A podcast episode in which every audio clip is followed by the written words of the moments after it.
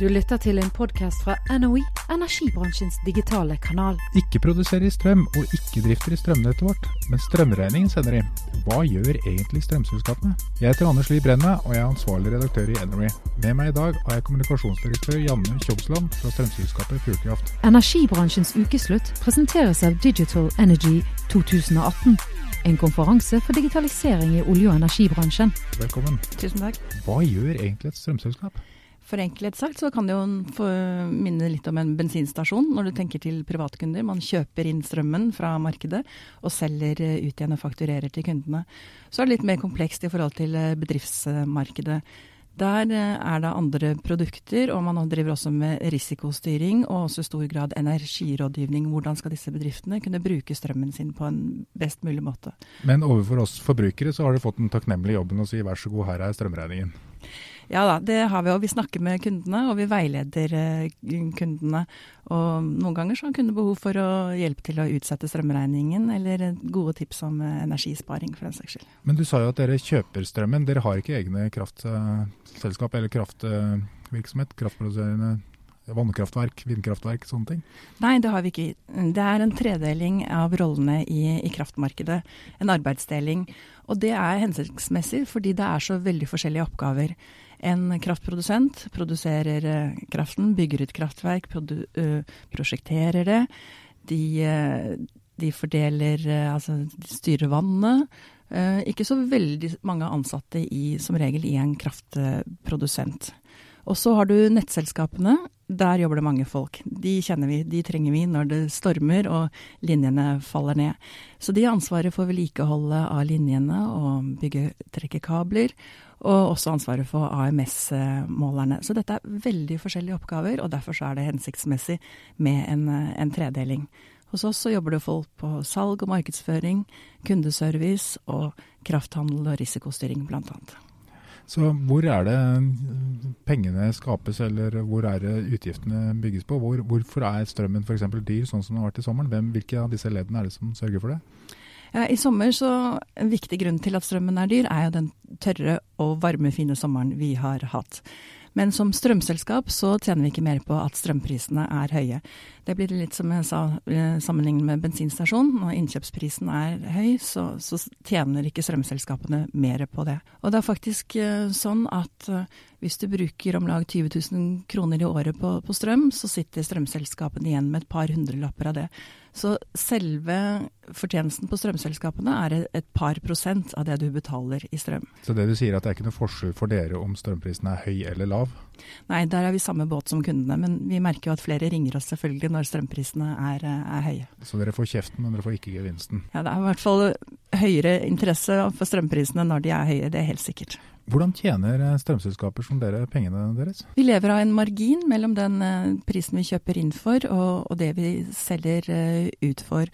Og samtidig så driver vi også med en del tjenester til, til større bedriftskunder. Så det er marginen mellom innkjøpspris og, og, det vi selger ut for. Du sa at det var en veldig lav margin å legge på sånt. Hva legger du i det, liksom? Man, på bunnlinjen man sitter igjen med et par hundre kroner, for en, forenklet sagt, for, for en strømleverandør. Men vil ikke dette avhenge veldig av hva slags strømavtale man har? For man har jo mange forskjellige typer strømavtaler. Det kan variere litt, men uansett så, så er det ikke de store forskjellene på, på det. Men vi snakker i, i, den, i den størrelsesorden, men, men, noe varierer det jo.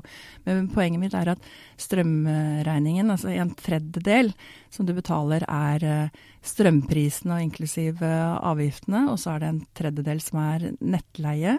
Og ser du på hva det staten mottar totalt sett fra dette, så er jo det også godt og vel en tredjedel av regningen. Men selve marginen som strømleverandøren får, det er bare noen prosent. Ja, for staten tar merverdiavgift, og så tar den elavgift til forbrukerne. Og den tar moms på, på, avgiftene, og så er det også det det ligger innbakt elsertifikater, og det krever vi som strømleverandører inn på vegne av staten. Og det er en form for subsidiering til fornybar energi. Hvordan fungerer det? Hvor mye betaler en vanlig forbruker i sånne strømsertifikater, eller hva heter det for den? Elsertifikater. Elsertifikater.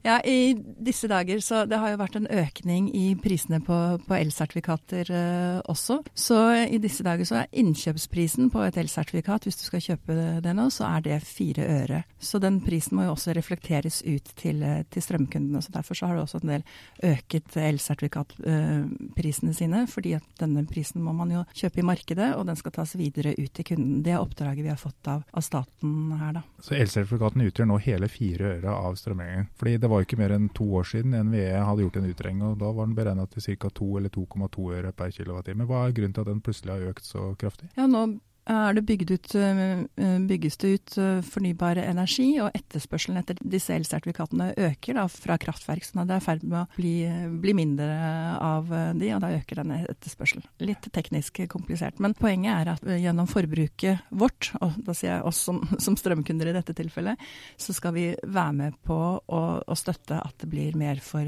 fornybar energi. Er det hensiktsmessig i et land som Norge, hvor vi stort sett får fra fornybar energi som 95-96, kanskje kanskje 97 fra vannkraften, og så skal vi bruke masse penger på enda mer fornybar energi? Trenger vi det?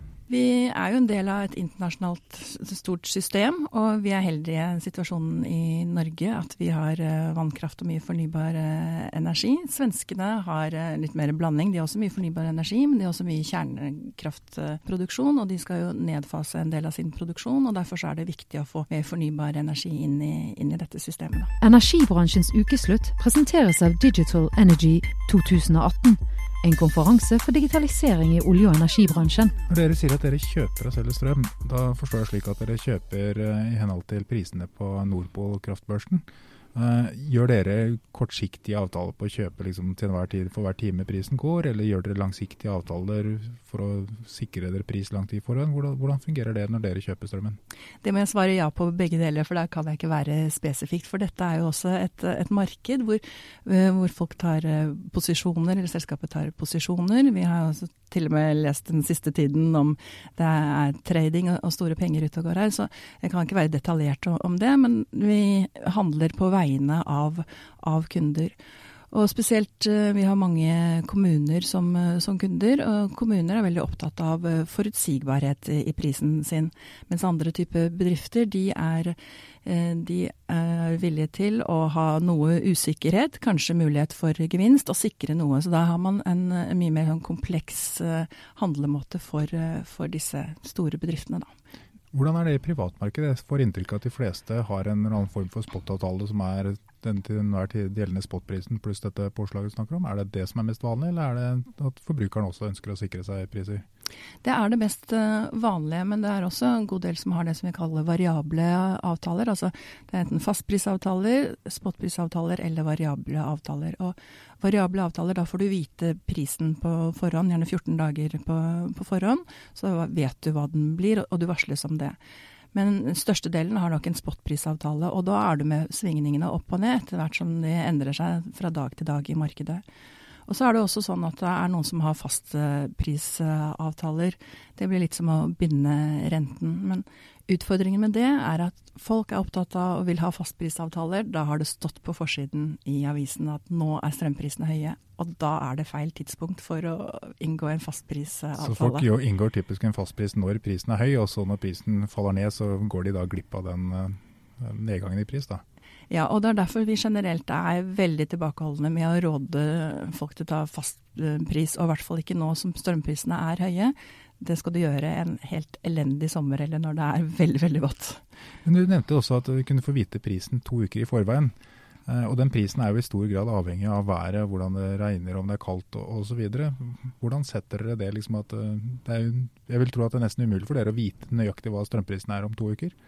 Ja, og det er jo for så vidt et risikoelement i det. Samtidig man forholder seg til, til, været og alle faktorene i kraftmarkedet. Men da ser man jo også på forholdet til, til konkurrentene.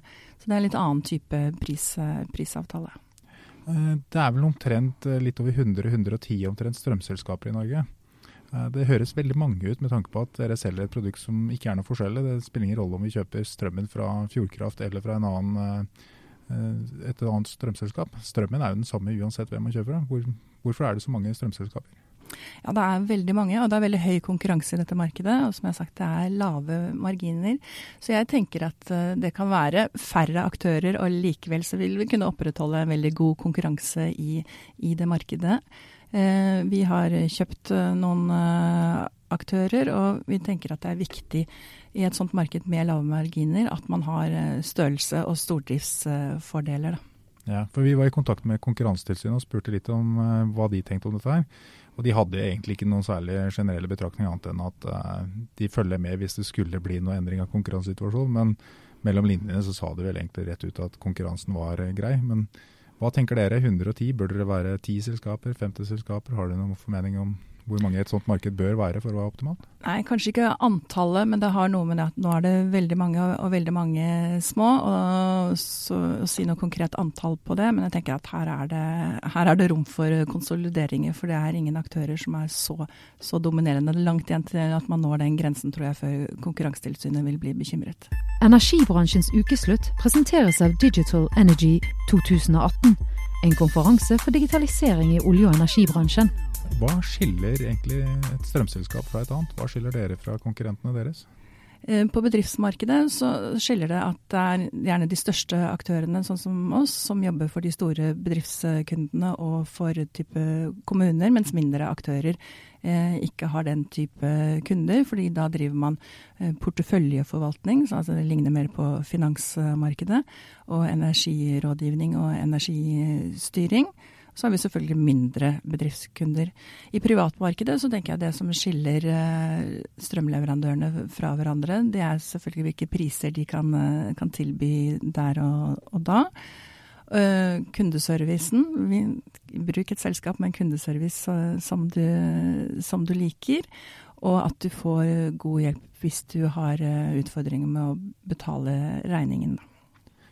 Dere har jo også gått inn i et annet marked, inn i mobilmarkedet. Det kan kanskje ikke fremstå så intuitivt å si at liksom på den ene sida så selger dere strøm, og på den andre sida begynner plutselig å selge mobiltjenester. Hva er rasjonalet for at uh, man kan si at de to henger så tett sammen?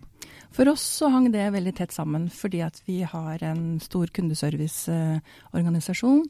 Vi er vant med å kjøpe inn strøm og selge det ut igjen. Det samme gjør vi nå på, på mobil. Vi er vant med å fakturere. Så for oss så lignet egentlig dette veldig mye på det vi gjorde fra, fra før av. Vi hadde det, veldig mye av det apparatet på plass fra, fra før av. Og mobilmarkedet er også et veldig konkurranseintensivt marked, men der er det to store aktører. Så her tenkte vi at her er det rom for en aktør som kan utfordre Telia og Telenor. Så egentlig alle som holder på med noe som er kjøp og salg av en tjeneste, så kunne nesten se for dere at uh, hvis vi bruker eksempelet dit, at man er en bensinstasjon som kjøper og selger bensin, kunne nesten gått inn i den type marked også? Jeg tenker du må ha en kjent uh, merkevare, og vi bruker mye på markedsføring fra, fra før av. De aktørene som er i mobilmarkedet, de markedsfører seg veldig høyt. Uh, så man må kunne konkurrere med det. Så også en, en kjent merkevare og et høyt profileringstrykk er også veldig viktig i det markedet. Du nevnte denne tredelingen av kraftmarkedet, og det kan forklare litt. Men hvorfor er strømregning egentlig så komplisert? Det virker som veldig få har satt seg inn i det og skjønner hva en strømregning er, liksom. Ja, heldigvis er det blitt sånn da, at eh, vi har flere og flere som lager en forenklet forside, sånn at man kan få med seg beløpet og, og, og totalen. Og så har du disse delene under som beskriver detaljene mer. Og det er mange typer avgifter, og det er strømmen, og det er fastbeløp. Så, så det blir litt uh, komplisert, men i hvert fall denne forsiden det forenkler for kundene. Og vi jobber hele tiden med å, å gjøre dette enklere. Og så er det jo sånn nå at uh, vi gjennomfakturerer for, eh, for, nettselskapene, så det har jo også kommet inn på, på, regningen. Altså den nettleien som for transporten av strømmen din, den betaler du for til strømleverandøren, og så betaler vi videre til nettselskapet. Og vi betaler til nettselskapet som regel før du har betalt inn til, til oss, da. Så det er, det er ganske mange ledd, det er det.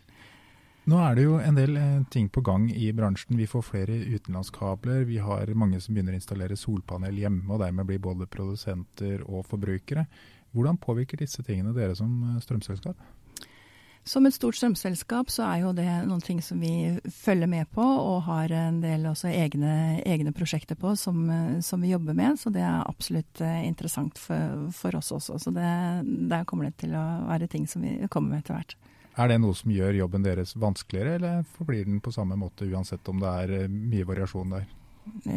Jeg vet ikke om det blir vanskeligere. Jeg tenker det er eh, interessant, det er spennende. Det er, eh, er utviklingen. Kunsten er å se hvordan vi skal ta det videre dette ut for, for noen kundene kan, kan, ha nytte av. Og vi er med i et prosjekt som er støttet av Enova. Hvor vi da jobber med å utvikle en, en tjeneste som, som, kan gi kundene mer informasjon om hva er det som bruker strøm her og nå. Så vi holder på med noen prototypetestinger der. Når strømprisene har vært så høye som i sommer, er det da flaut å gå og fortelle når du treffer noen og spør hva du driver med, at du jobber for et strømselskap? Får du mye kjeft for at eh, strømmen er dyr når du kommer sosialt utenfor jobben? Nei, overhodet ikke flaut. Jeg syns uh, Vi har jobbet med noe som er uh, interessant, som, som, alle trenger. Altså Strøm er en fantastisk nyttig, nyttig, vare. Og jeg, jeg snakker gjerne om det. Men eh, det har vært så varmt. Folk har snakket mest om den varme sommeren eh, hittil. Så folk er mer glad for at det har vært varmt og godt, enn eh, de er sure for at det er høye strømpriser pga. sola og varmen? I hvert fall foreløpig, så får vi se til vinteren. Du har nå lyttet til en podkast fra NOE, energibransjens digitale kanal.